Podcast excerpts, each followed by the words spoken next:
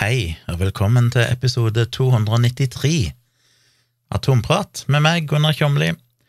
Hvis du hører en pipelyd når jeg snakker, så stemmer kanskje det.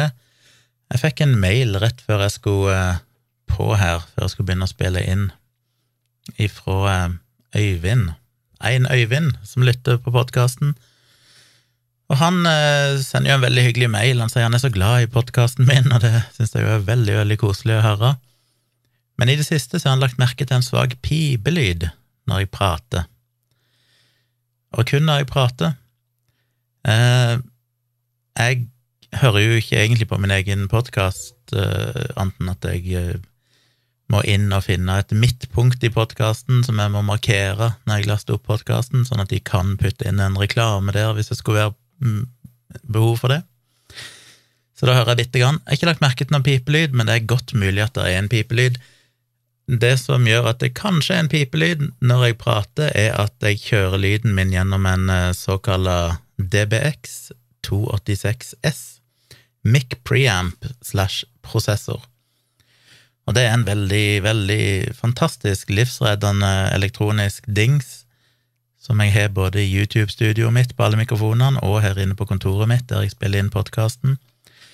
Og den kjører jeg mikrofonen gjennom før han går inn i datamaskinen, og den gjør alt mulig. Den er Hva den gjør? Han eh, legger på kompressor på lyden.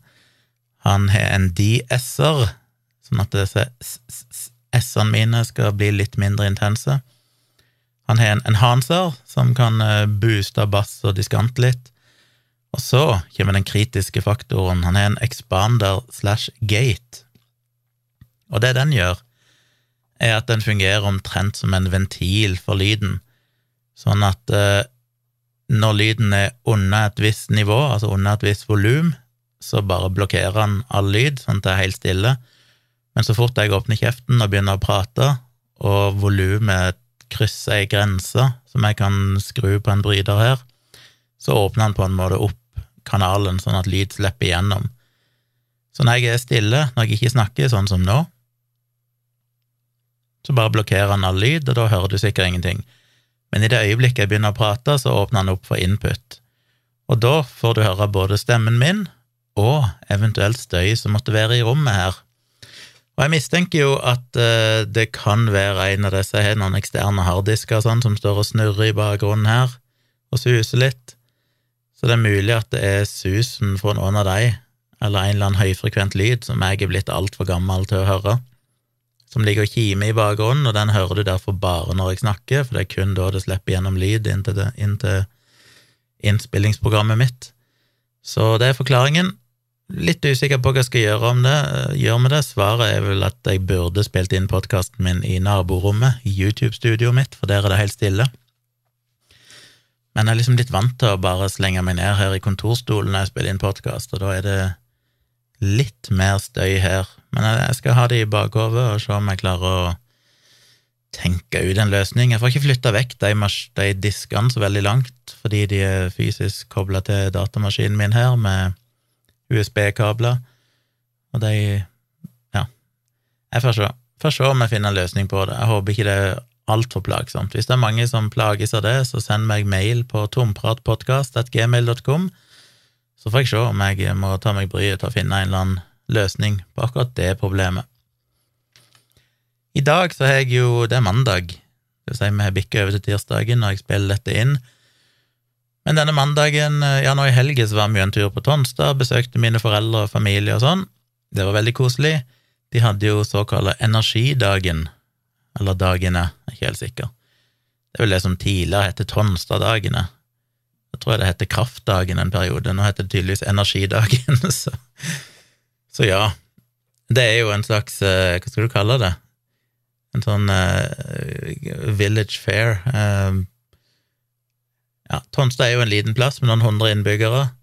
Bitte lite sentrum. Det er egentlig bare ei gate og en butikk og en, et bakeri og et uh, rådhus. Ikke så fryktelig mye der, men det er jo liksom et sentrum med en slags park. Og der uh, har de hver sommer, kanskje ikke noe under pandemien, men uh, normalt hver sommer en eller annen gang så har de en slags greie der som da har hatt forskjellige navn. med en scene med litt musikk og litt lokale innslag av uh, alt ifra lokale musikere til dansere til kor, alt mulig rart.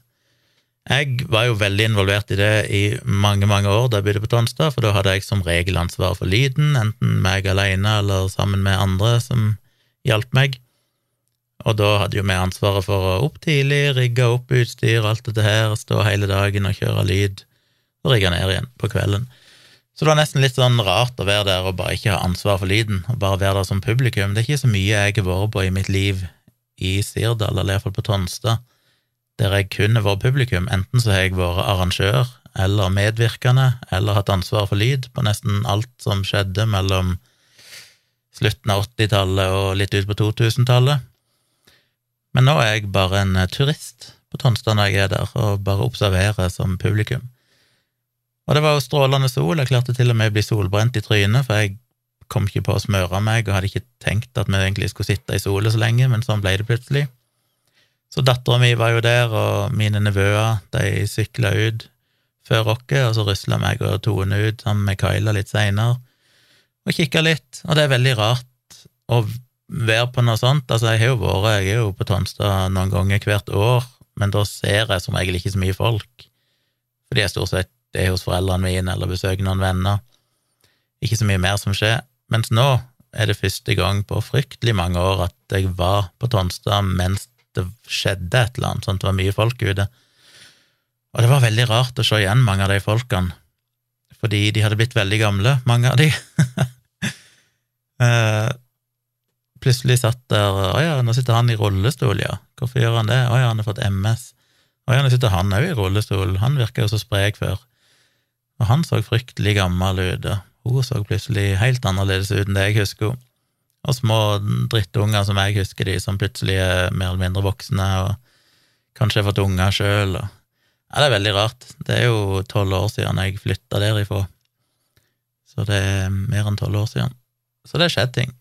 Så jeg gikk jo rundt og litt og pekte ut folk for Tone og sa å ja, se, hun i den eh, rosa jakka, det er hun jeg snakker om, eller se han i den svarte hatten der, han er lensmann, og alle historier jeg har fortalt opp gjennom årene som jeg nå kunne plassere noen ansikter på.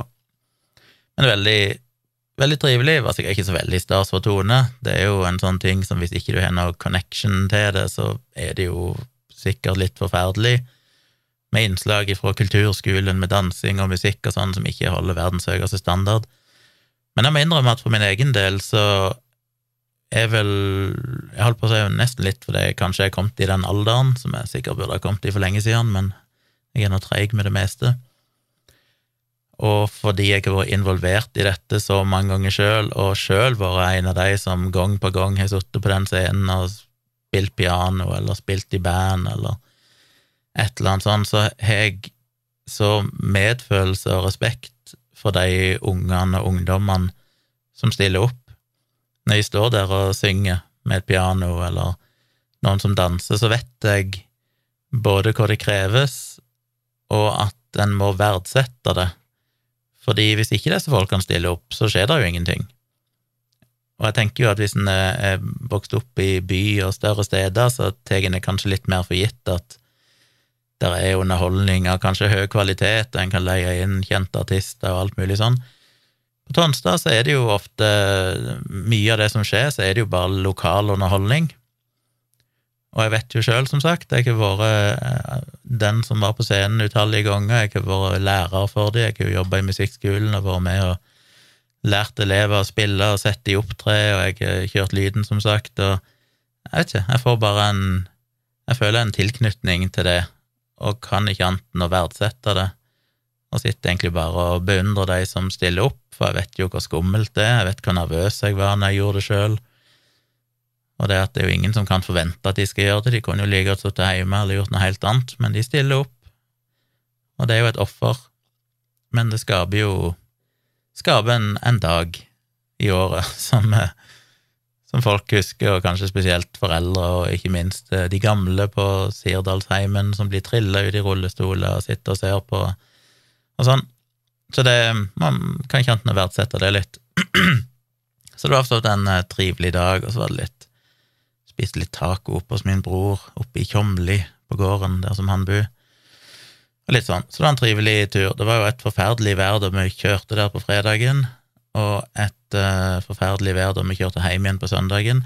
Egentlig motsatt av de to bryllupene jeg har tatt bilder i, der det har vært nydelig vær på fredag og søndag og forferdelig vær på lørdagen og selve bryllupet. Denne gangen var det motsatt, heldigvis, fordi det var fantastisk vær på energidagen. Så det har vi gjort. Og ellers i dag så har jeg eh, jobba litt med jobbejobben min, eh, og så har jeg eh, redigert litt bilder. Jeg kom plutselig på at ja, forrige helg og uka før det, så var jeg jo i Oslo og tok både bilder av en restaurant og bryllupsfoto, og så fokuserte jeg mest på bryllupsbildene, men så kom jeg på at oi, shit, da må jeg jo få redigert disse her restaurantfotoene òg. Så de eh, kasta meg over og fikk gjort i løpet av én sesjon. Det er, ikke, det er ikke gjort før. At jeg bare setter meg ned og begynner, og så blir jeg ferdig med de og laster de opp, og så er det sånn, ok, nå er jeg ferdig med det. Selvfølgelig fikk de for mange bilder igjen. I avtalen skal de egentlig bare få 20. Jeg leverte vel Hvor mange leverte jeg, da? Mange, mange ganger. Så mye som 20, iallfall. Men eh, sånn er det. Det er jo ikke så lurt, men det er, vanskelig å bare sitte og plukke ut noen få når jeg har så mange bilder. Jeg syns det er ok. Så det har jeg gjort. Så driver jeg på med disse bryllupsbildene. Det jobba jeg med i forrige uke, og så har jeg ikke sett på de siden forrige uke. Annet enn nå rett før jeg spilte inn podkasten, så bare åpna de opp og bare skanna fort igjennom for å se sånn, er dette noe bra i det hele tatt? Og når jeg så på de nå, og det er jo alltid litt fint, fått litt avstand fra de, det har gått noen dager, jeg rekalibrerte øynene mine litt, og forventningene mine, og så på de, så tenkte jeg ja, med et sånn kjapt overblikk så, så føler jeg at dette kunne jeg sikkert bare ha levert nå, så hadde det vært helt greit, men jeg vet at jeg må gå over de én eller to ganger til og finjustere bildene. Men sånn generelt sett så tror jeg nok det skal bli en grei leveranse, som jeg håper de blir fornøyd med. Jeg, eh, på vei hjem fra Tonstad her på søndagen, så hørte meg og Tone på en eh, podkastepisode fra VG jeg husker ikke hva den podkasten heter, men en eller annen podkast VG har, i tre deler, som heter Explosion Nei, hva heter den? Katastrofe i hjernen, var det ikke det de kalte den? som var en slags eh, tredelers dokumentar om AstraZeneca-vaksinen og den eh, alvorlige bivirkningen som ble avdekka der, som jo førte til noen dødsfall. Det gir meg jo muligheten til å korrigere det jeg sa i forrige, eller gangen før det, en av de siste episodene, der jeg snakket om, om antall døde fra vaksinene, covid-vaksinene. Da trodde jeg det var tre eller fire som hadde dødd av AstraZeneca. Det viser seg jo å være seks totalt, som de mener mest sannsynlig da har dødd av vaksinen i Norge. Men det var jo en interessant podkastepisode, men òg litt provoserende. For den fokuserte jo Den starta jo med en eller annen fyr, jeg skal ikke navnet på han, men en eller annen mann som var en av de få som hadde fått denne tilstanden og overlevd. Og den tilstanden er jo denne ganske mystiske og veldig sjeldne tilstanden der du både får blodpropper rundt i hele kroppen og gjerne i hjernen, og i tillegg har for lave blodplater som gjør at du får blødninger. Så du både får propper og blødninger samtidig, som òg gjør det veldig vanskelig å behandle, for det er jo på en måte motsatte ting. Så behandler du den ene tingen, så gjør du kanskje det andre verre, og motsatt. Um, og han fortalte de historien hans, og så var vel han en slags gjennomgangsfigur. Du fikk òg høre historien til et par andre av de damene som endte opp med å dø av dette. Men det som Ja, det vekker jo Det gir jo en del tanker. Jeg syns for så vidt at VG håndterte det greit og balansert nok, men selvfølgelig så har de dette her personfokuset, som jo ofte er uheldig, for da blir ofte følelser og den personlige vinklingen viktigere enn kanskje fakta i saken og de mer store spørsmål. Men det som er interessant, er jo det at ok, det døde seks personer i Norge, som er en tragedie. Det er helt forferdelig. Det er jo det siste vi vil at en vaksine skal gjøre. Altså, alle vaksiner vil ha noen grad av bivirkninger.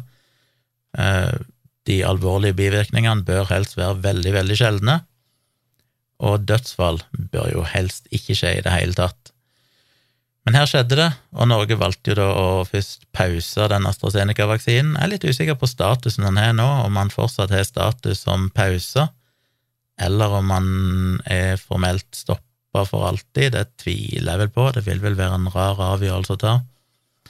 Fordi, som jeg prøvde å forklare gjentatte ganger da jeg blogga om dette og sånn òg, så og egentlig alle saker når det gjelder dette med bivirkninger og, og hvem du bør vaksinere og sånn, så finnes det jo aldri noe fasitsvar. Jeg har jo hatt det litt når jeg har diskutert dette med myokarditt og sånn hos unge, knytta til mRNA-vaksinene. Du kan aldri si kategorisk om en vaksine er verdt det, for det kommer jo helt an på når og hvor. Og sånn var det jo med AstraZeneca-vaksinen òg. I Norge så ble han pausa fordi smittetrykket var såpass lavt som det var, eh, at de regna seg fram til at det var større risiko for iallfall unge folk å ta vaksinen enn å ikke ta vaksinen og risikere å få covid, eh, fordi de måtte vente noen uker ekstra på å få eh, en av mRNA-vaksinene.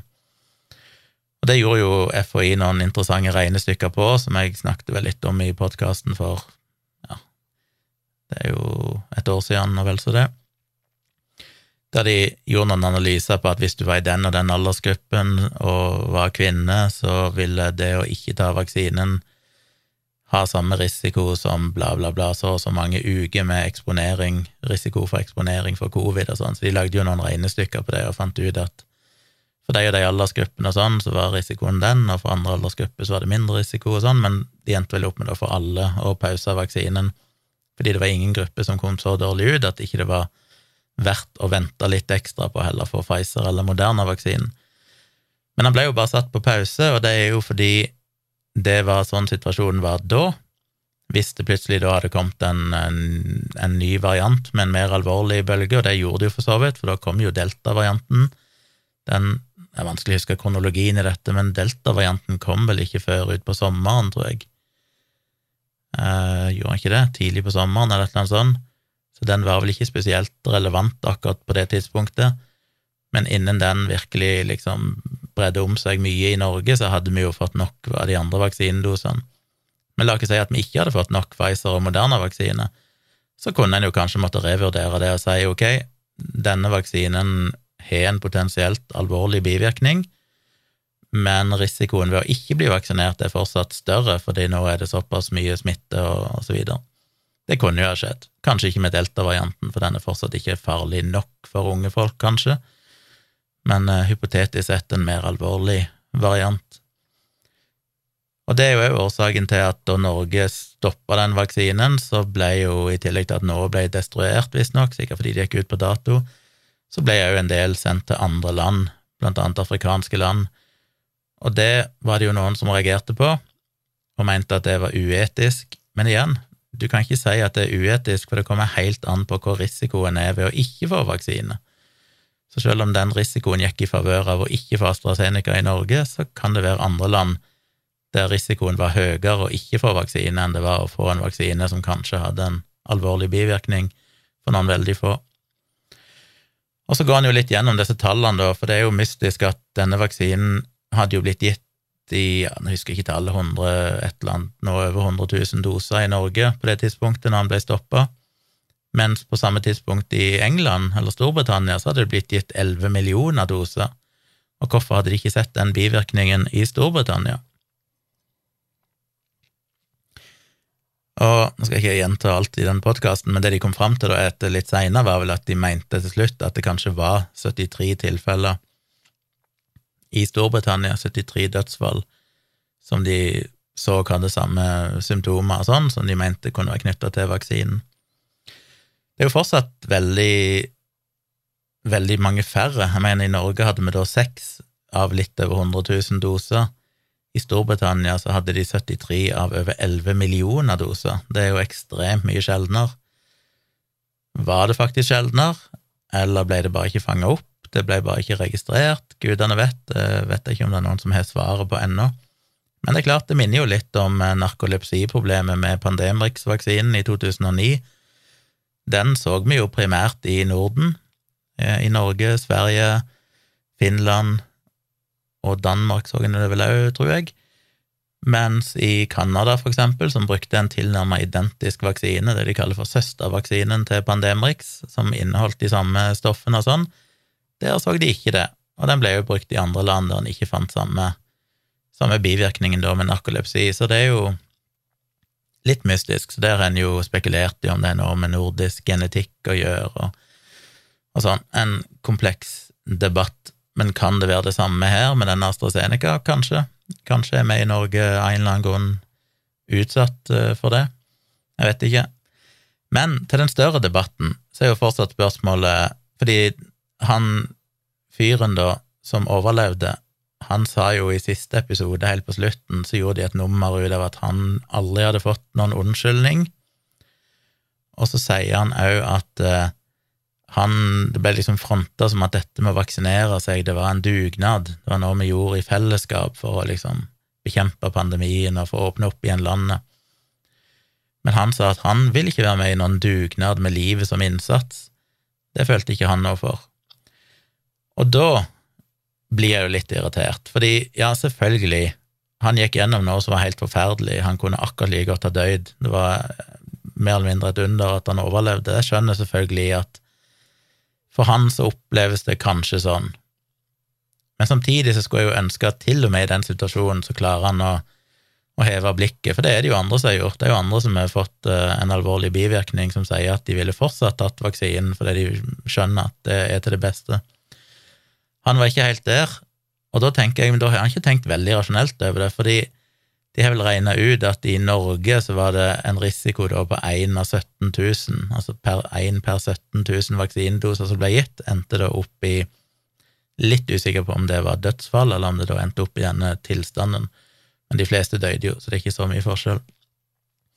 Så 1 av 17 000 hvis en ser på risikoen som kanskje gjelder generelt sett i verden, hvis en ser på alle de AstraZeneca-dosene som er gitt, så er jo risikoen mye, mye mindre enn det igjen, så i Norge er det eksepsjonelt. Men la ikke si da at vi tar worst case scenario, som er Norge, og sier 1 av 17 000. Er det virkelig sånn, da, at eh, hvis du ser et hus som brenner, og du vet at det er en gammel mann som er der inne, er det sånn at hvis risikoen din er 1 av 17 000 for at du kan bli hardt skada eller dø ved å prøve å redde denne personen, så bare gir du faen. Jeg tror de fleste av dere ville ha godtatt uh, de oddsene, 1 til 17 000, for å risikere noe for å redde noen andre sitt liv.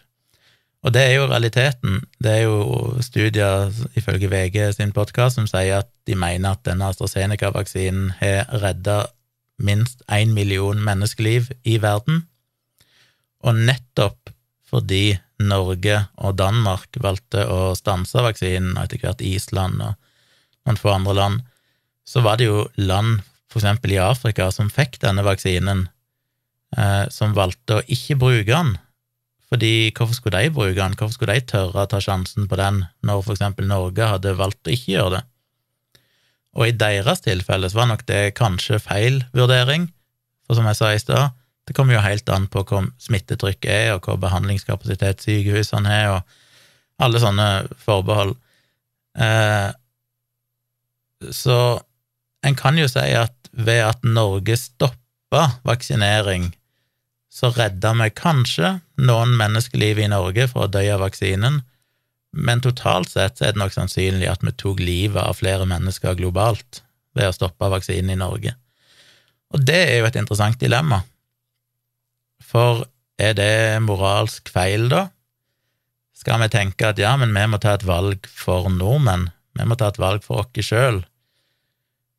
Når Og selvfølgelig, når det ble gjort, så kunne en jo ikke vite det, eh, hvordan andre land ville reagere og sånn.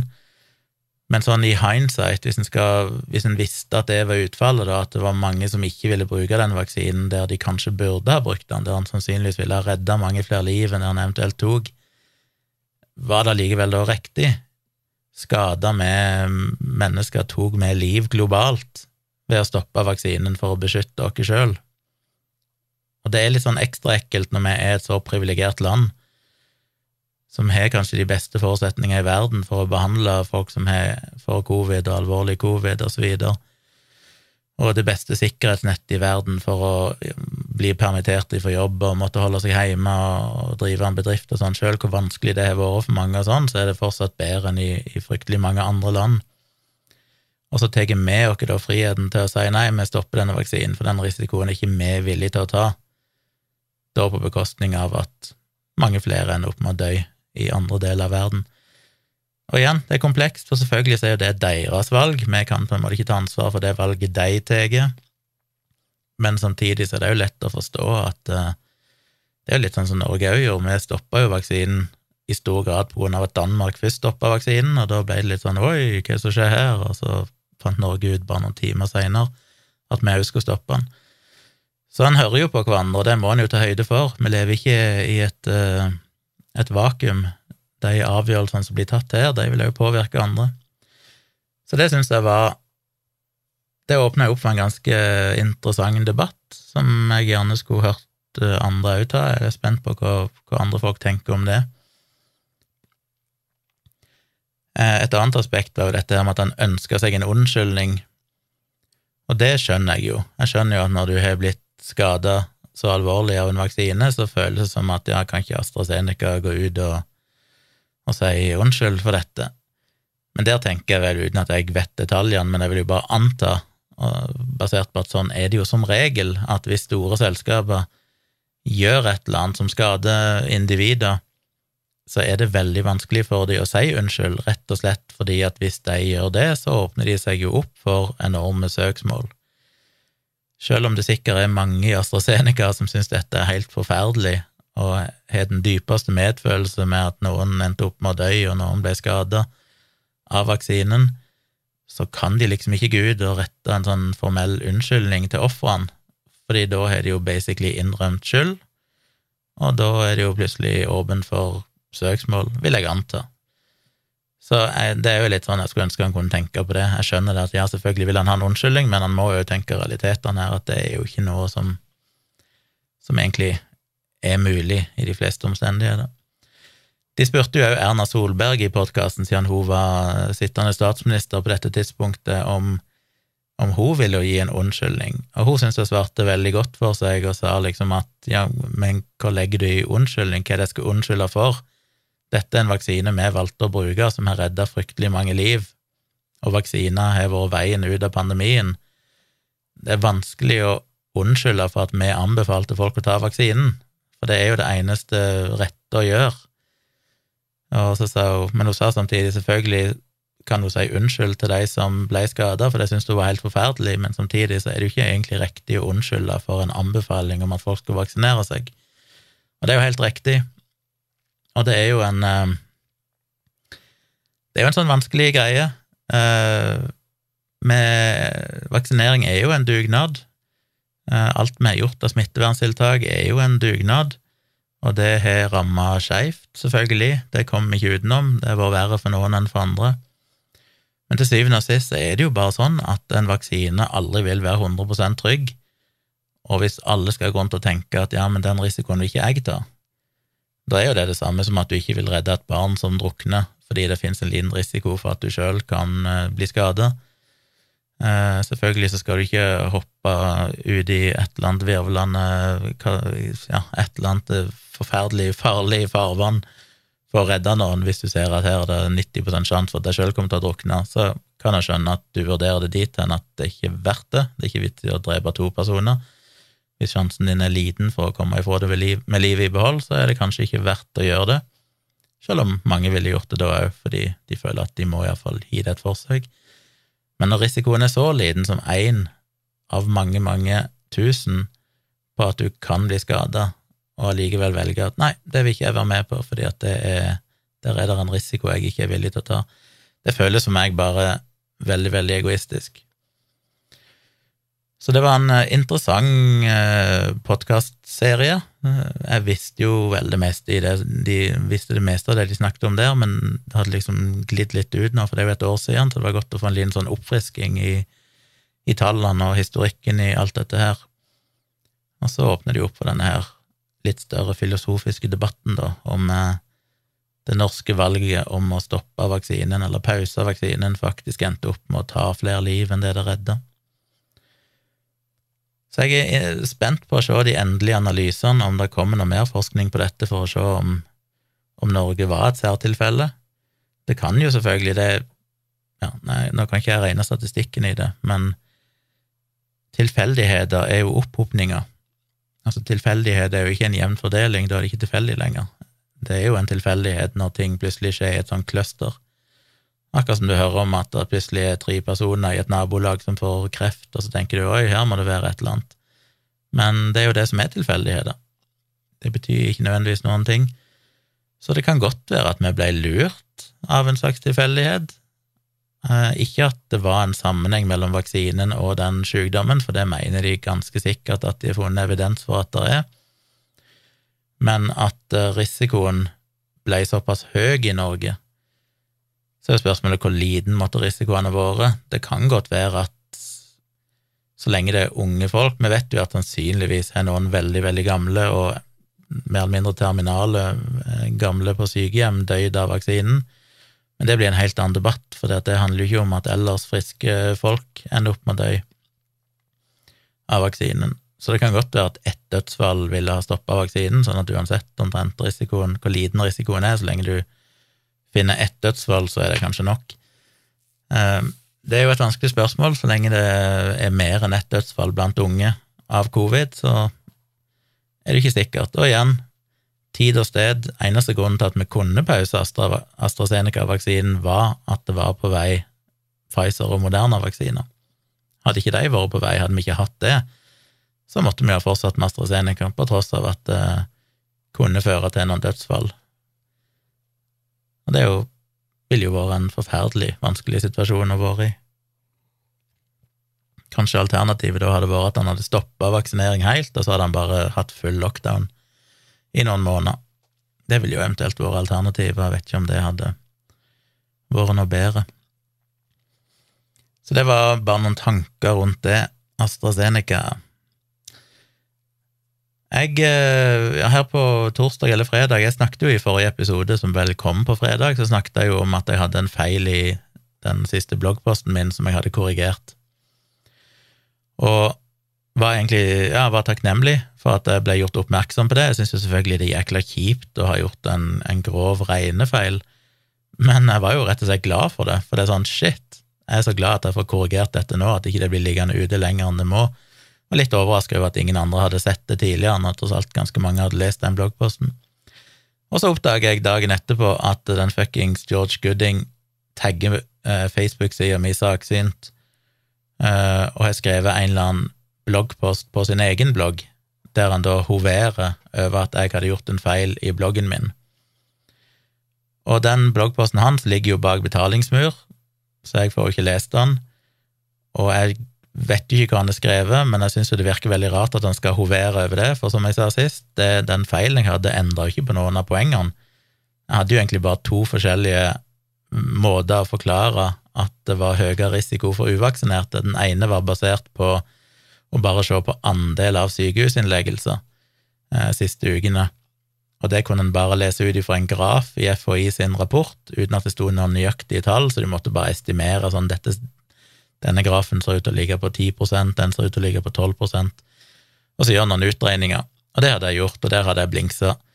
Men i de neste avsnittene så viste jeg jo til FHI sin egen utregning, der de regner ut incidensen, altså eh, antallet innlagte per 100 000, avhengig av om de var uvaksinerte, hadde fått to eller tre doser.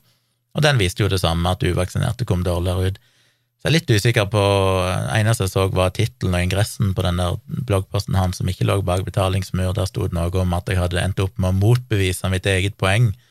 Og ja, det hadde jeg når du korrigerte for det regnestykket jeg hadde gjort feil. Men det er fortsatt ikke riktig, som jeg skrev i min egen korreksjon i bloggen. Hvis han tror at det er å motbevise poenget mitt, så må jo han ha regna feil i sin bloggpost som ikke jeg får lest, fordi i de neste avsnittene så står jo incidensen regna ut av FHI som beviser akkurat det samme poenget. Og som jeg skrev, jeg kunne ikke korrigere min egen utregning fordi at jeg oppdaga at tallene var fra forskjellige kilder og omfatta ikke det samme, de skilte jo ikke mellom eh, to doser og det de kaller for grunnvaksinert, som òg kan inkludere infeksjon, de skilte ikke på aldersgruppen, og så videre. Så gudene vekk hvor han har regna ut for å finne noe annet, men hvis han har funnet en et annet svar som han mener viser at uvaksinerte kommer bedre ut, så er jo det i så fall totalt i strid med det som står like etterpå i samme rapport fra FHI. der de da som sagt regner ut incidensen. Men det som egentlig var poenget mitt, er bare jeg syns det er så ufattelig ufint, fordi det går jo så i strid med alt det som kritisk tenking og skeptisisme handler om. Det handler jo om å kunne korrigere feil, følge dataen, forholde seg til det som er den beste evidensen. Og når jeg da skriver en bloggpost og oppdager at jeg har skrevet noen feil, noen kommer og sier at hei, her har du gjort en feil, så korrigerer jeg den, og så skriver jeg i bloggposten at ops, her gjorde jeg en feil. Og det har jeg nå, ja, i det tilfellet korrigerte jeg det ikke, for det var ikke mulig, men jeg bare fjerna det og forklarte hvorfor jeg hadde fjerna det, og at det ikke endra på konklusjonen, for det er i de neste avsnittene så sto incidensen rene ut av FHI. Men allikevel, da, så velger han dagen etter at jeg allerede har fjerna feilen og skrevet om det sjøl i min egen blogg, så skal han da trekke fram liksom ha-ha-ha, Tjomli gjorde feil. Og det syns jeg er veldig, veldig eh, smålig og antiskeptisk Ikke antiseptisk, men antiskeptisk. Fordi om noe så burde en jo hylle en sånn korreksjon. Eh, og igjen, jeg har sagt det mange ganger før, det er jo det som provoserer meg så i disse debattene. Det er jo det at jeg har korrigert i de siste bloggpostene mine, så har det vært pekt ut dette var en stor feil, og så har det vært pekt ut en og, en og annen bitte små feil som jeg har korrigert, men som heller ikke har noe betydning. Men jeg skulle gjerne likt å se George Gooding gå tilbake igjen og korrigere de feilene som jeg har plukka, tatt for meg i mine bloggposter og vist at her tar du feil, her tar du feil, her har du misforstått statistikken. Han går ikke inn og gjør det noen plass, han tar jo aldri selvkritikk, men fordi jeg gjør en feil og innrømmer det og korrigerer det, så hoverer han over det. Og det, det, er da du bare ser at han er jo ikke interessert i hva som egentlig er sant, og ikke han gjør det til en personkonflikt. Det er kun det det handler om for han. Jeg har til og med skrøt av han i forrige dialog, så måtte jeg jo skryte av at han har noen gode poenger og har korrigert eh, Eller eh, han hadde jo en Hva heter det En liten uh, uenighet med FHI, der han mente de hadde gjort noe feil, og jeg tror han hadde et godt poeng der. Og det, Da trekker jeg fram det og sier at jeg syns det var bra, selv om jeg syns det meste han gjør er tullete og idiotisk, så kan jeg fortsatt si at dette var bra av Gooding men allikevel, så han, han, er jo ikke ja. Nei, jeg bare syns det er stusslig at han skal Så jeg var liksom usikker, skal jeg da sende mail til han og be han sende meg teksten, så jeg kan se hva han har skrevet, videre, men jeg bare fant ut at det der Det får bare være. Jeg har jo sett at den der følgerklanen hans, de går det ikke an å snakke fornuftig uansett. Så da er det jo kanskje ikke så mye poeng. Jeg hadde jo allerede korrigert det før han blogga om det, så da er det ikke så mye mer jeg kan gjøre, egentlig. Men det var litt sånn dråpen som fikk meg til å tenke at uh, hvorfor er jeg egentlig på Facebook lenger? Um, så jeg endte rett og slett opp med å stenge ned Tjomli fotosida mi og saksynt-sida mi. Og jeg hadde egentlig tenkt, jeg gikk òg inn og requesta alle dataene mine fra Facebook, det har jeg gjort et par ganger tidligere, når jeg tenkte, Jeg, jeg har jo stengt kontoen min en gang tidligere, eller deaktivert den midlertidig. Og da liker jeg å få en kopi av alt som Facebook er, sånn at hvis jeg ender opp med å slette kontoen, så har jeg fortsatt backup av alt som er blitt skrevet noen gang der inne. Um, jeg har ikke fått det ennå, og det er mange dager siden jeg requesta det, så gudene vet hvorfor det tar så lang tid. Jeg trodde ikke det skulle ta mange, mange dager. Så det er mulig jeg må gå inn og requeste det på nytt. Kanskje det har skjedd noe galt. Men Derfor har jeg ikke stengt kontoen min ennå. Men det er kanskje like greit, for etter jeg har tenkt litt på det, så har jeg vært litt sånn Men skal jeg egentlig stenge Facebook-kontoen min? Det er mange grunner til å gjøre det. Eh, for å ta litt forskjellige poenger her. Det første er at jeg har stengt saksynssida mi. Og det er litt synd, fordi at den har jo over 10 000 følgere og sånn. Det er jo en, en grei måte å nå ut til folk på. Men Samtidig så har jo Facebook endra algoritmene sine på en måte som gjør at du når jo egentlig ikke ut til noen lenger. I gamle dager så kunne du poste ting på ei side, og så ble det spredd til alle som fulgte sida og sånn. Nå vil jo bare Facebook at du skal betale, så med mindre du betaler for en sånn promotert post, så er det ikke så veldig mange som ser det. Så det mista veldig mye av funksjonen sin. Og så er det andre problemet er jo at hvem som helst kan gå inn der og kommentere. Og det er jo det jeg ikke liker, for da ender jo jeg egentlig opp i den samme situasjonen som jeg har kritisert media for. Jeg hylla jo NRK, som fjerna det meste av sitt fra Facebook nylig, fordi det er ikke vits i å legge til rette for kommentarfelt der det bare er idioter som sitter og lirer av seg konspiratorisk vrøvl. Men i praksis så oppdager jeg jo at det skjer litt for ofte på saksynt òg. Når jeg legger ut en bloggpost, så eh, Ja, en ser jo veldig fort, og når jeg blogger om George Gooding, så ser det jo veldig fort at det ikke er med en hærskare av folk fra George Gooding og kommenterer under. Nesten alle kommentarene er jo for folk som ikke følger saksynt, og ikke har noen interesse av det jeg driver med å gjøre, men de skal da inn og forsvare og fortelle hvorfor en idiot jeg er. Og da er det litt sånn, er det noe poeng i det, da?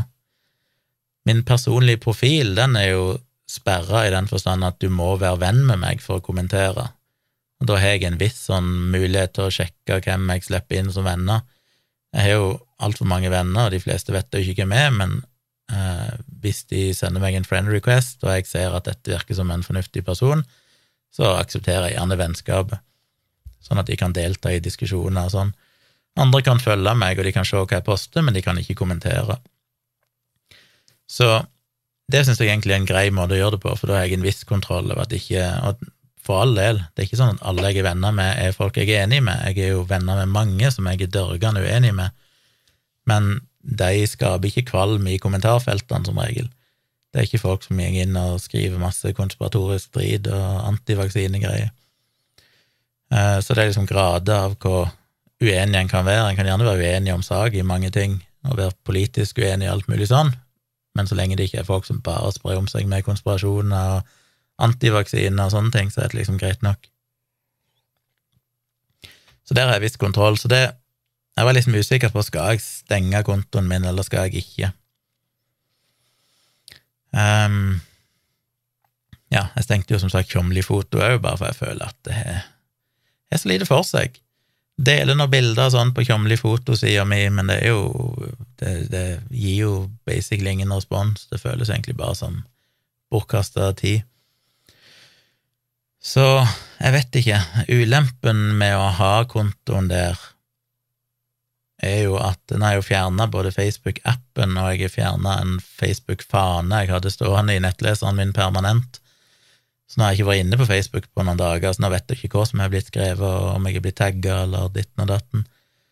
Og det er jo litt skummelt å ikke følge med, men hvis jeg skal følge med, så blir jeg òg litt for stressa av det hvis det begynner å bli sånne ting jeg føler at å, dette må jeg svare på og sånn.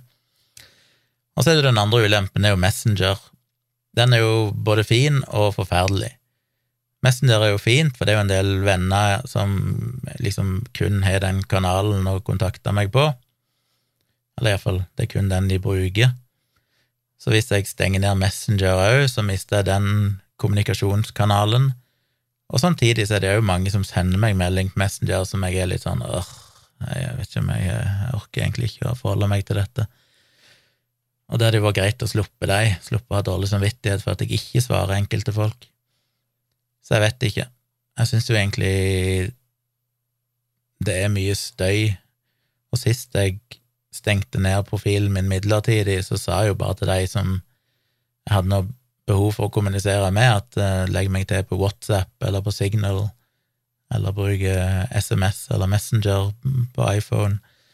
Altså, det er en måte å få tak på meg på, og jeg syns det er mye greiere å ha folk på sånne egne apper enn at de skal mase på meg gjennom Facebook, der alle kan kontakte meg.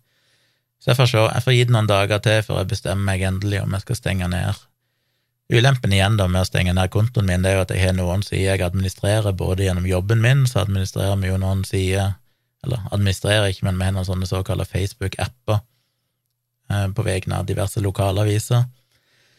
Eh, og jeg har jo en egen firmakonto jeg kan logge inn med for å administrere dem, men det de har jeg òg på min private profil, som jeg normalt bruker, så det har liksom alltid vært lettere.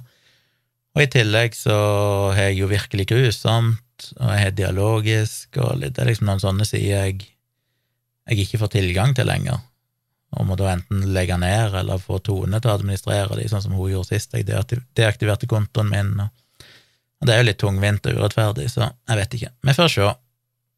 Jeg eh, har en sånn romantisk idé alltid om et sånn liv uten egentlig noe særlig sosiale medier der jeg bare jobber med mine ting. Det er liksom det som er drømmen min, dette med at jeg skriver bloggposter, jeg driver med mine bilder, men, Men jeg trenger ikke å dele det noen plass. Jeg gjør det i bloggen min, og de som ser det der, de ser det der.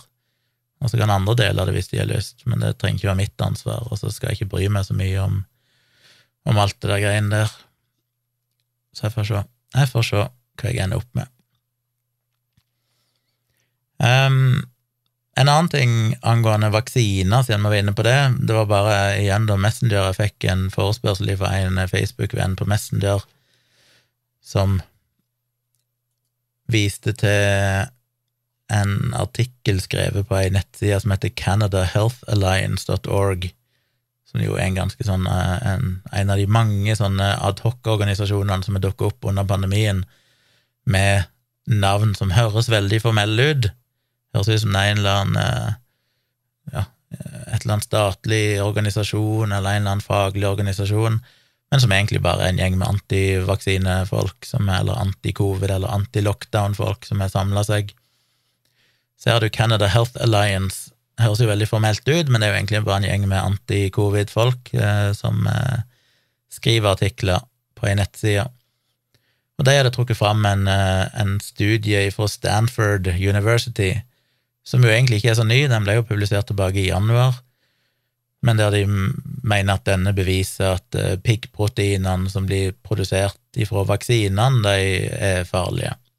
Og Robert Malone har vel tydeligvis ikke helt fått med meg det, men det er vel blant annet den studien han har vist til når han har igjen gått ut med all slags påstander om hvor farlige disse piggproteinene er, og hvor farlige vaksiner er. Men iallfall, han spurte meg om den, og syntes det virka rart, for da han hadde diskutert med en eller annen vaksinemotstander som hadde slengt den i trynet på han, den linken til Canada Health Alliance. Og så sendte han meg òg link til originalstudien som er publisert i cell.com, eller tidsskriftet Cell, som jo er en av de vel mest anerkjente seriøse vitenskapelige tidsskriftene. Eh, og den eh, leste jeg, og ser jo at den tolkningen på Canada Health Alliance ikke er så veldig riktig. Fordi denne studien så jo på eh, Ja, skal jeg ta veldig overfladisk og kort, den er jo litt kompleks, og det er ikke alt som jeg heller har forståelse for, men generelt sett så ser en jo litt på antistoffene, altså Hva heter det? ja, som blir produsert i kroppen etter vaksinene. Jeg tror det er primært Pfizer sin vaksine de har sett på hovedsakelig her. Og det de finner, er jo at den produserer, eller altså måten den virker på, som dere sikkert har fått med dere nå, to, to år ut i pandemien, eller halvannet år etter vaksinering begynte. Men eh, det blir jo sprøyta inn syntetisk mRNA som går inn i muskelcellene i overarmen der du får sprøyta, og begynner da å produsere, eller får, hva er det, er det ribosomene, som produserer si, kopier av viruset sitt piggprotein, som da blir dytta ut gjennom celleveggen og blir liggende på utsida av celler, og så blir de da oppdaga av immunforsvaret, som da bryter de ned, og da lærer immunforsvaret seg å gjenkjenne disse piggproteinene, sånn at hvis vi blir infisert av SARS-CoV-2, som har disse piggproteinene på overflata av virusene, så er immunforsvaret vårt klart til å angripe. Men disse piggproteinene som blir laga av vaksinene, er jo ikke identiske med de piggproteinene som finnes på de faktiske virusene. De er jo designa med to forskjeller, iallfall. Den ene er at de ikke kan aktiveres. Altså, viruset har jo disse piggproteinene på overflata, og de binder seg jo eh, til denne her eh, ACE2-reseptoren på overflata av cellene, som er, er der piggproteinene på en måte kobler seg til og gjør at viruset kan, kan uh, injisere sitt DNA inn i cellen vår, og dermed replikere. Men uh, det er modifisert sånn at de ikke binder seg til de ACE2, og ikke kan da aktiveres, som de kaller det. Men i tillegg så, de, så genererer de et slags lite anker som gjør at de allikevel blir hengende fast det er som en slags biologisk anker som får de til å henge fast på utsida av cellene våre, som òg gjør at ikke disse piggproteinene sprer seg overalt i kroppen. Så piggproteinene blir produsert, de blir dytta ut av muskelcellene, og så blir de hengende fast liksom på utsida av celler, for å si det enkelt. Og der oppdager immunforsvaret de en bitte liten andel av piggproteinene havner i blodet, det har jeg jo blogga om en del tidligere. Eh, de studiene jeg så på da, fant vel at mindre enn 1% av piggproteinene havner i blodet, men der er det ingen tegn på at de gjør noe skade. ettersom de er modifisert og ikke kan binde seg til cellene og sånn. Og så er det jo litt av, eh, av disse piggproteinene og sånn som ender opp i lymfesystemet, og blir da ført videre og inn i lymfekjertler, der de blir liggende. Og det er veldig nyttig, fordi at der eh, bidrar de til å, å, til å aktivere eller trigge disse B- og T-cellene, som er en del av immunforsvaret. Men det er jo det denne studien har funnet, da. De fant jo at du kunne finne piggproteiner i lymfekjertler i noen uker etter at vaksinen var satt. Men så fant han òg andre ting. Han fant jo ut at uh, den vaksinen i stor grad trigga IGG, er ikke det det heter? Som er den delen av immunforsvaret som er den mest nyttige mot virus og bakterier. I tillegg så er det jo IGA, som vel gjerne finnes i slimhinne og gjerne sånn i lunge og, og sånn, så vidt jeg har skjønt. Og så er det jo IGM, som er en annen type som jeg tror er mest effektiv mot parasitter. Så den fant jo at den primært produserer IGG i mye større grad, og det er en veldig god ting, for det gir en god immunitet mot virus. Eh, denne artikkelen på Canada Health Alliance den gjør et stort nummer ut av å, han produserer mest IGG og ikke IGA, som er mye mer nyttig, for at det er, fins i, i slimhinnene og sånn, i, i, i, puste... Hva heter det? I, eh, ja, i lunge og, og, sånn, som gjør at uh, du får en bedre immunitet mot smitte. Altså når du da inhalerer virus eller dråper eller et eller annet med virus i, så, så får du en raskere, raskere bekjempelse av dem. Og det er mulig det stemmer, og det er mulig det er grunnen til at vaksinene ikke beskytter like godt mot smitte, for det er de ikke så gode på etter en stund, etter noen uker, men de beskytter fortsatt veldig godt mot sykdom, og det er fordi de produserer mye av dette IGG uh, eh, IGG uh, eh, Gud, nei, uh, Nå er jeg litt for langt ut på natta her. Jeg hadde jo en artikkel oppe her, men den klarte jeg selvfølgelig å lukke, som ikke var så lurt, tidligere i dag, for jeg tenkte at det, den trengte jeg ikke mer, men det gjorde jeg jo. Anyway, dere skjønner poenget. Så de gjør stort nummer ut av det. Robert Malone og sånn gjør jo selvfølgelig et stort nummer ut av at de finner piggproteiner i lymfekjertlene eh, opptil flere uker etter at vaksinen er gitt, og det betyr jo selvfølgelig at vi kommer til å få kreft og aids og alt mulig rart. I realiteten så er det jo aldri påvist en eneste negativ effekt av at det finnes bitte små mengder med piggprotein i lymfekjertlene eller noen annen sted i kroppen i de små dosene som finnes. Så det er jo bare rent oppspinn, det er jo bare ting han dikter opp som er totalt i strid med egentlig alt vi vet om dette. Så det er jo interessant. Men det som jeg syns var interessant, det som den studien egentlig fant, men som de da selvfølgelig på ingen slags måte snakker om, på denne artikkelen i Canada Health Alliance eller Robert Malone og de, det som han egentlig fant, og som er konklusjonen i studien, er at det ser ut til at vaksinene gir bedre immunitet enn det gjennomgått sykdom gjør. For det de finner, er at gjennomgått sykdom primært gir immunitet kun mot den varianten du har blitt smitta av, enten det er den originale Wuhan-varianten, eller det er eh, alfa-varianten, eller delta-varianten, eller omikron mens når du får vaksinen, så genererer den antistoffet som i mye større grad eh, virker imot de forskjellige mutasjonene i de forskjellige variantene. Selv om ikke vaksinen er spesifikt designa for det, så gjør han det. Så det er jo en studie som Det er mulig det er gått med litt hus forbi, men den burde jo være ganske interessant. Litt i den debatten jeg har hatt med George Gooding og sånn òg, dette her med det best med naturlig immunitet, eller vaksine, eh, eller ja, jeg må ikke bruke ordet naturlig immunitet, for den er jo ikke naturlig eh, sykdomsfremkalt immunitet, for du må tross alt gjennomgå sykdom først, før du får den immuniteten, som jo er hele paradokset i det, eh, eller vaksinefremkalt immunitet.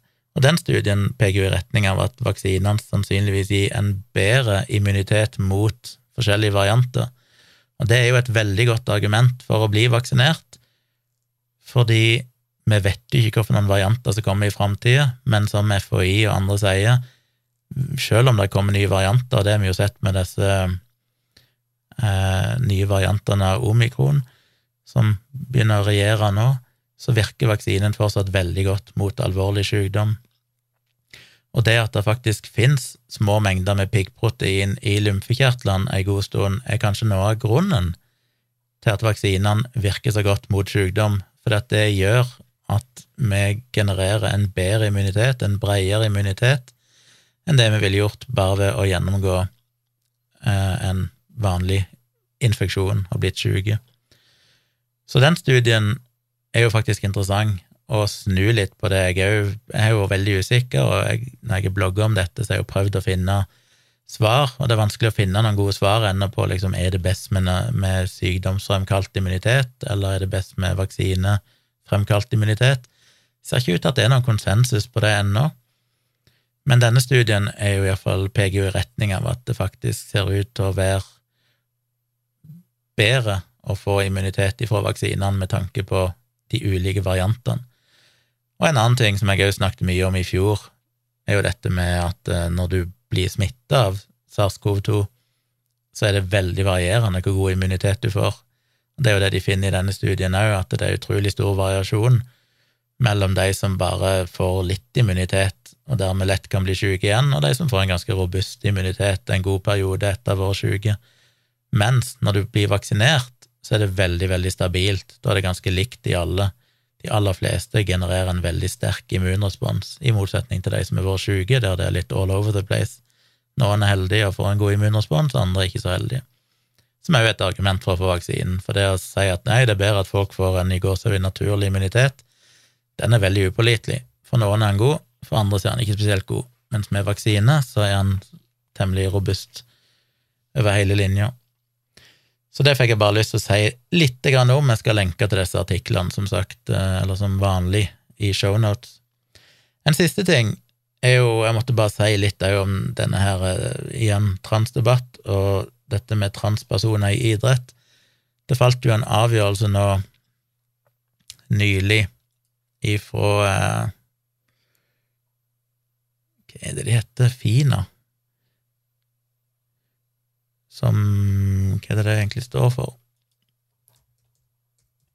Fina Federation Internationale de Natation Natation ja, Det er en organisasjon tydeligvis som eh, har ansvar for mye av vannsport, enten det er vannpolo eller stuping eller svømming osv., som da har bestemt seg for at transkvinner ikke skal kunne delta Nei, transmenn Nei, transkvinner ikke skal kunne delta i, eh, i kvinnekategorien i disse vannidrettene, fordi de mener at det er, er da urettferdig.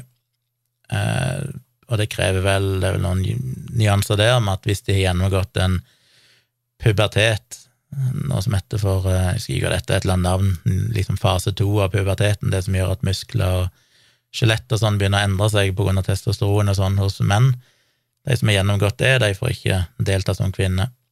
Hvis du foretar eller starter med hormonbehandling før det, så kan du fortsatt delta som, eh, som kvinne, for da mener jeg at du ikke har gjennomgått de kroppslige, biologiske endringene som gir menn en urettferdig fordel. Og det er jo en interessant debatt, og jeg jo, når jeg snakker om denne transdebatten tidligere mange ganger, så har jeg jo alltid sagt det at akkurat når det gjelder idrett, så er jeg usikker på hva som er løsningen, for jeg ser at der kan det være urettferdig. Men så er jo det forferdelig komplekst, og jeg ble litt inspirert av igjen da en uh, Twitter-tråd av Health Nerd, eller Gideon Meyerwitz Cuts, GidMK på Twitter, som er en australsk epidemiolog. Og han uh, har en liten tråd om akkurat dette, der han tar opp noen av de samme tingene som jeg tror vi snakket om Ja, var det helt tilbake i dialogisk tid? Eller var det noe jeg snakka om sjøl? Men iallfall litt av de forskjellige aspektene med hvordan definerer du egentlig hva som er urettferdig, eller en urettferdig fordel, for det er det de egentlig fokuserer på. For det er klart, de som er raskest, de som svømmer raskest, de som springer raskest, de som er flinkest i basketball og fotball og høydehopp og sånn, de har jo allerede en fordel, helt åpenbart, en eller annen biologisk fordel. Er du veldig høy, så er du en stor fordel som svømmer, der er lengden mye å si på kroppen. Er du eh, høy, så er du en fordel som volleyballspiller, kanskje som basketballspiller.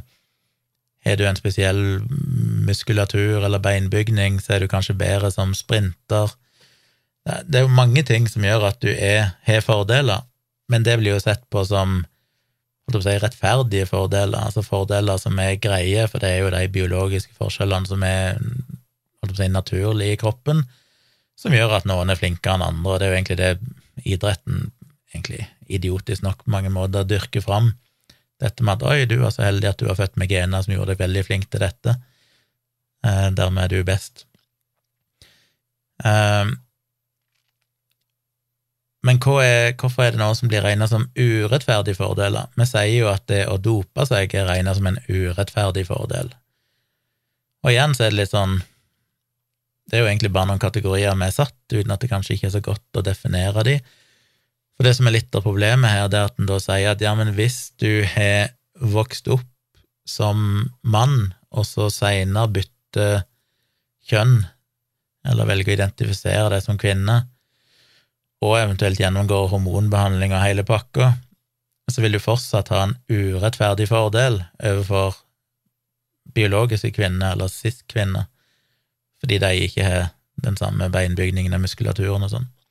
Og så har en prøvd å løse dette da med å sette grenser for testosteronnivået i kroppen og bla, bla, bla, som er vanskelig. Og en av grunnene til at det er vanskelig, og det husker jeg vi snakket om i Dialogisk for tre år siden, eller sånn, når vi snakket litt om det, var, de handlet vel ikke så mye om transdebatten, det var mer bare dette med liksom, er det biologiske forskjeller mellom menn og kvinner og sånn, og da snakket jeg litt om det.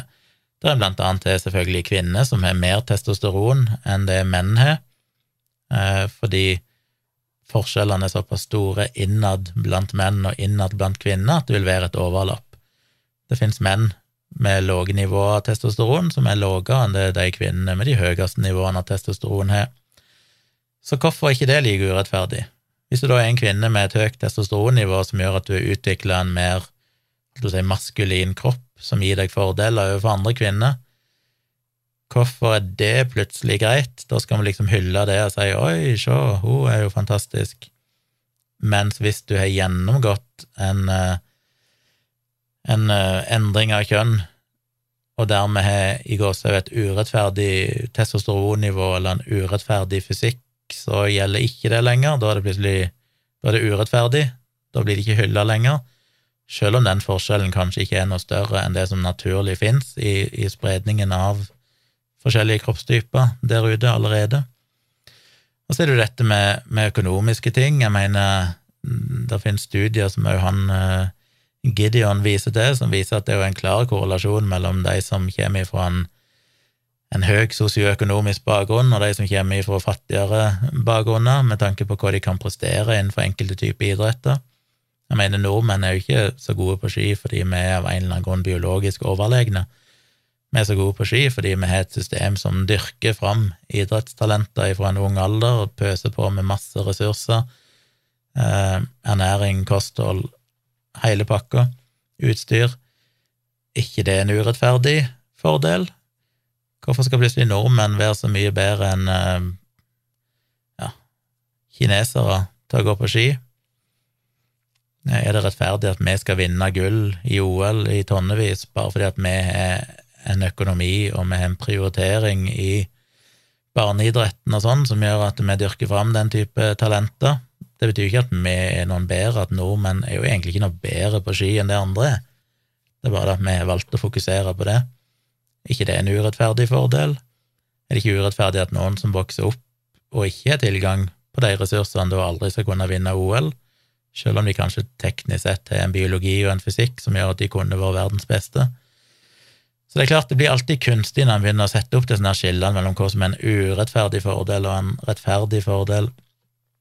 Han viser jo òg til en studie, som riktignok er ganske liten, som jeg prøvde å se litt på den så vel, så jeg husker, på eh, på folk i militæret i USA som valgte å transisjonere eh, til det motsatte kjønn etter at de begynte i militæret, så vidt jeg skjønte det. Sånn. Dette er folk da som er selvfølgelig voksne, eller passert pubertet.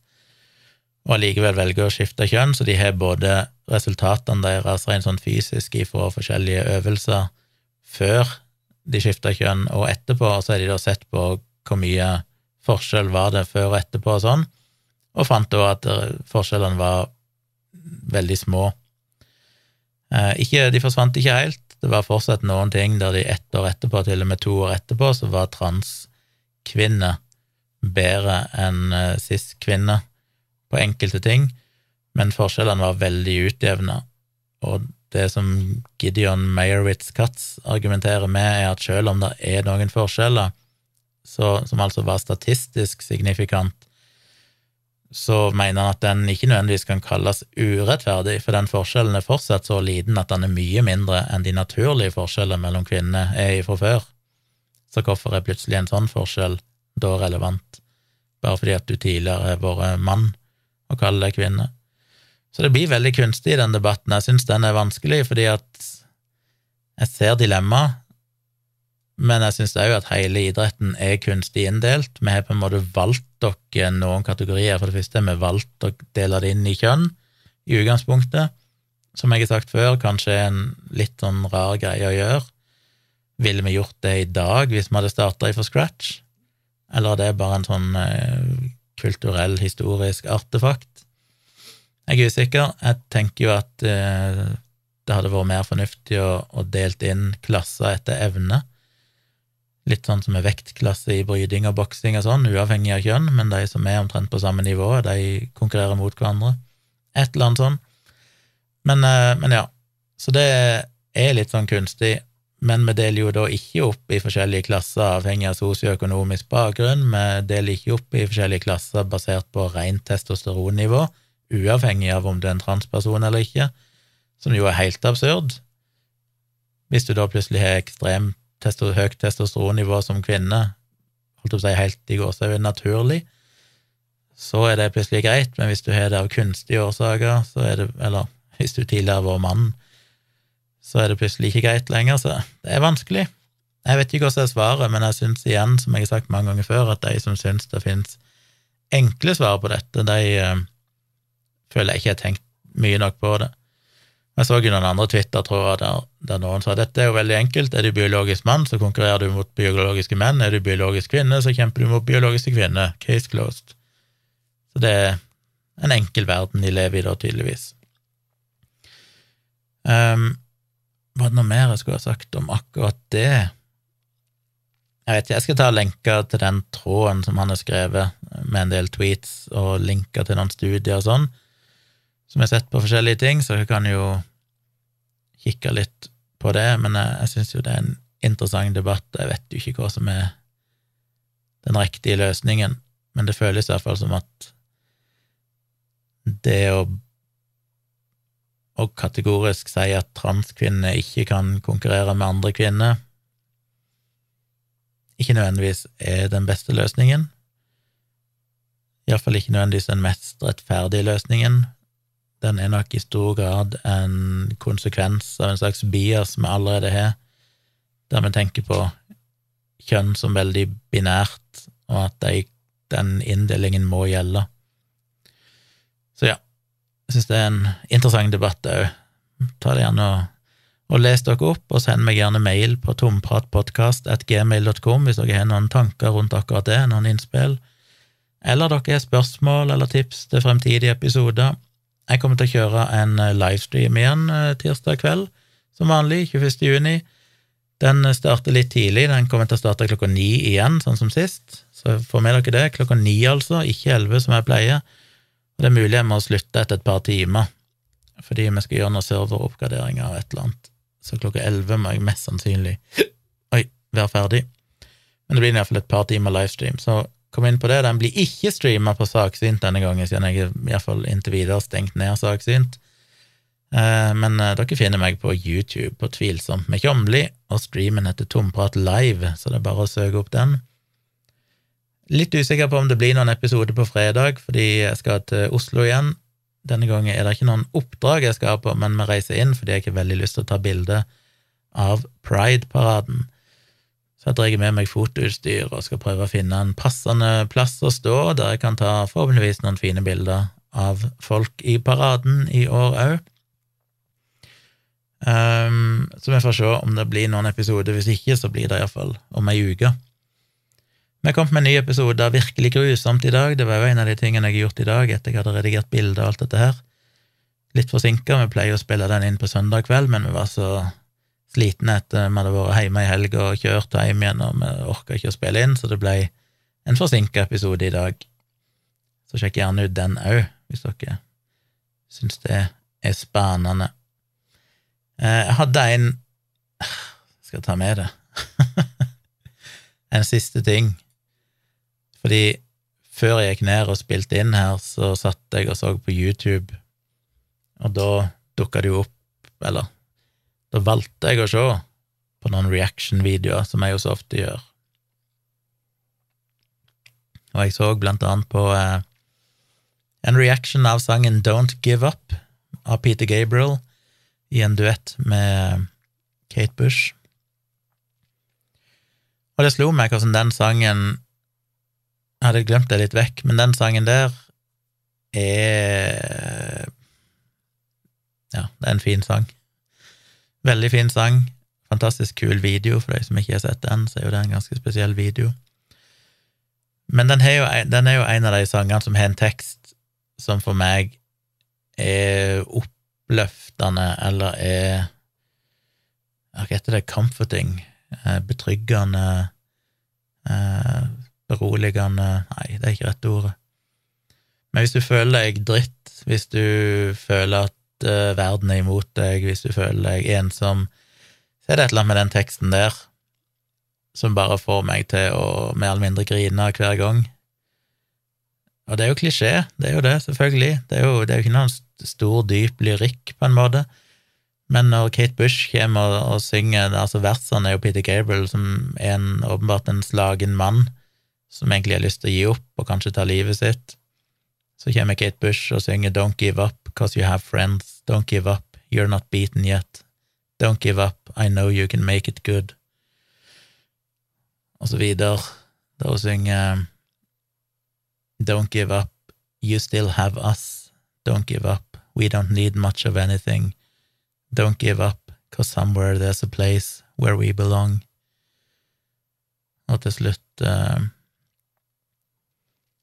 Don't give up cause you have friends. Don't give up, you're not the only one. Don't give up, no reason to be ashamed.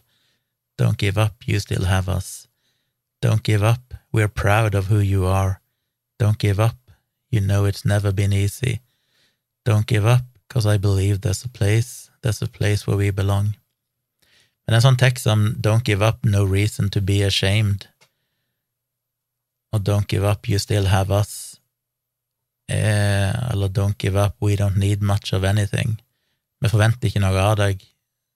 Du trenger ikke å skamme deg over noen ting. Vi er der for deg fortsatt. Et eller annet med den teksten der som bare treffer meg når jeg hører den. Og det er en, en fin sang å høre hvis du er litt nede. Og det minte meg jo da òg om den andre sangen, som jeg rett og slett eh, har satt på, er lenge siden nå, men det, jeg har jo skrevet om det tidligere i bloggen min og snakka om det i forbindelse med dette med sånn litt autistiske tingene mine, hvor vanskelig jeg syns det er sosialt. Og da syns jeg jo, av alle folk, så er det vel få som har naila det bedre enn Sigvart Dagsland.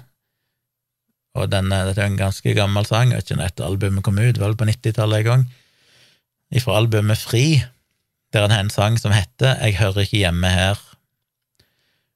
Og når jeg hørte den, og leste, fikk med meg teksten på den de første gangene, så var det bare sånn Jesus, dette bare beskriver jo meg og mange folk jeg kjenner, så utrolig godt. Folk som er introverte, folk som ja, jeg bruker ofte det, det uttrykket å, å, lage oppstyr. Jeg er redd for å lage oppstyr, eller jeg vil ikke gjøre et eller annet, for det blir altfor mye oppstyr. Og det føles jo bare som at Sigurd Aksland er akkurat samme typen. eh, teksten der er Jeg kan lese hele. Får sikkert copyright strike, men ok. Han synger Et blikk inn i rommet, bare fremmede folk er å se. De hører visst sammen, det er bare sånn som det er. Jeg blir så forlegen, skulle gjerne sprunget av sted, hvor er det jeg er? Så hopper jeg i det, det er som det går en alarm. Jeg går inn i rommet, prøver å skru på litt sjarm. Jeg ser hvordan de kikker, jeg kjenner rødmen, jeg er varm, og hvem er så jeg? Og så er det refrenget. Jeg hører hjemme et annet sted, og jeg er født til min ensomhet. Du gir meg trøst, sier tid leger alle sår, men jeg ser som årene går, at jeg hører ikke hjemme her. Og så kommer det tredje verset som jeg bare syns nailer Det var meg i et nøtteskall. Hvis jeg er på fest eller i en sosial sammenkomst og sitter alene i et hjørne der og observerer folk, så sier han Så sitter jeg der, da, skjelven i armer og bein, tolker signaler, prøver å tyde tegn. De er jo så mange, her sitter jeg og er én, og hvem er så jeg? Så kommer refrenget på nytt. Men det der med tolke signaler, prøve å tyde tegn, og de er jo så mange, her sitter jeg og er én. Jeg mener det oppsummerer bare alt, da du føler liksom at jeg er den eneste som ikke passer inn her. Alle ser på meg og syns jeg er helt rar. Hvorfor, hvorfor, hvorfor takler alle andre dette så bra? Hvorfor kan alle andre bare stå og ta seg i øl og snakke sammen og kose seg, mens jeg, eneste jeg gjør, er jo bare sitte og analysere, prøve å tolke folk, tolke signaler, prøve å tyde tegn, prøve å forstå disse sosiale greiene og de er så mange, og jeg er helt alene. Ja, det er bare fantastisk. Så det har jeg sett noen ganger. Jeg husker spesielt én gang, jeg tror det var den gang jeg endte opp med å skrive en bloggpost om det. Jeg hadde vært ute med noen venner på byen, eller venner, ei som jeg kjente, sammen med en del som hun kjente, som ikke jeg kjente. Og jeg bare kom hjem etterpå og var helt utmatta og bare tenkte hvorfor, hvorfor får jeg ikke dette til? Hvorfor kan ikke jeg sitte med andre folk på et utested og bare være en, en normal person som koser meg? Det er liksom helt umulig, det. Og det er det fortsatt. I en alder av 47 år så er det helt umulig. Så da kom jeg hjem og jeg bare skrudde på denne sangen, for det var jo sånn, ok, Sigvart, Sigvart forstår meg. En person der ute som skjønner akkurat hvordan det er. og det var Sigvart Dagsland av alle folk. En dritbra sang òg, da. Fantastisk eh, komp. Fantastiske musikere som jo Sigvart alltid har med seg når han gjør noe. Så er det jo de beste musikerne i Norge, som regel. Eh, eller et utvalg av de. Så er en, sang sang verdt å sjekke ut på Spotify. Jeg hører ikke hjemme her. Kanskje jeg skal ta og linke til den rett og slett i shownotes, hvis dere har lyst til å høre sangen. Men den teksten treffer meg. Så jeg hører ikke hjemme her, og Don't Give Up er mine anbefalinger for folk som eh, syns det er litt vanskelig til tider. Så kan de kanskje høre på deg og tenke at eh, du ikke er aleine. Det er ganske mange andre der ute som føler det på samme måte som deg og meg. Og jeg vet ikke hva fasiten er, jeg vet ikke hva svaret er, jeg vet ikke hva vi skal gjøre med det. Men eh, får bare prøve å fungere så godt vi kan, og heller bare fokusere på de tingene vi liker å gjøre som å sitte her og snakke til en mikrofon i et tomt rom og håpe at noen gidder å høre på. Det var vel eh, dagens episode, da, omsider. Jeg eh, er tilbake igjen om eh, seinest ei uke. Takk så mye for at du hørte på. Dere som er patrons på patron.com slash tjomli, har jo fått den episoden før alle andre og uten reklame. Så hvis du òg vil ha det, sjekk ut patron.com slash tjomli, og støtt meg gjerne der. Og så minner dere på igjen da livestream klokka ni i kveld, tirsdag 21. juni. Vi ses forhåpentligvis der, eller så høres vi igjen om ei uke.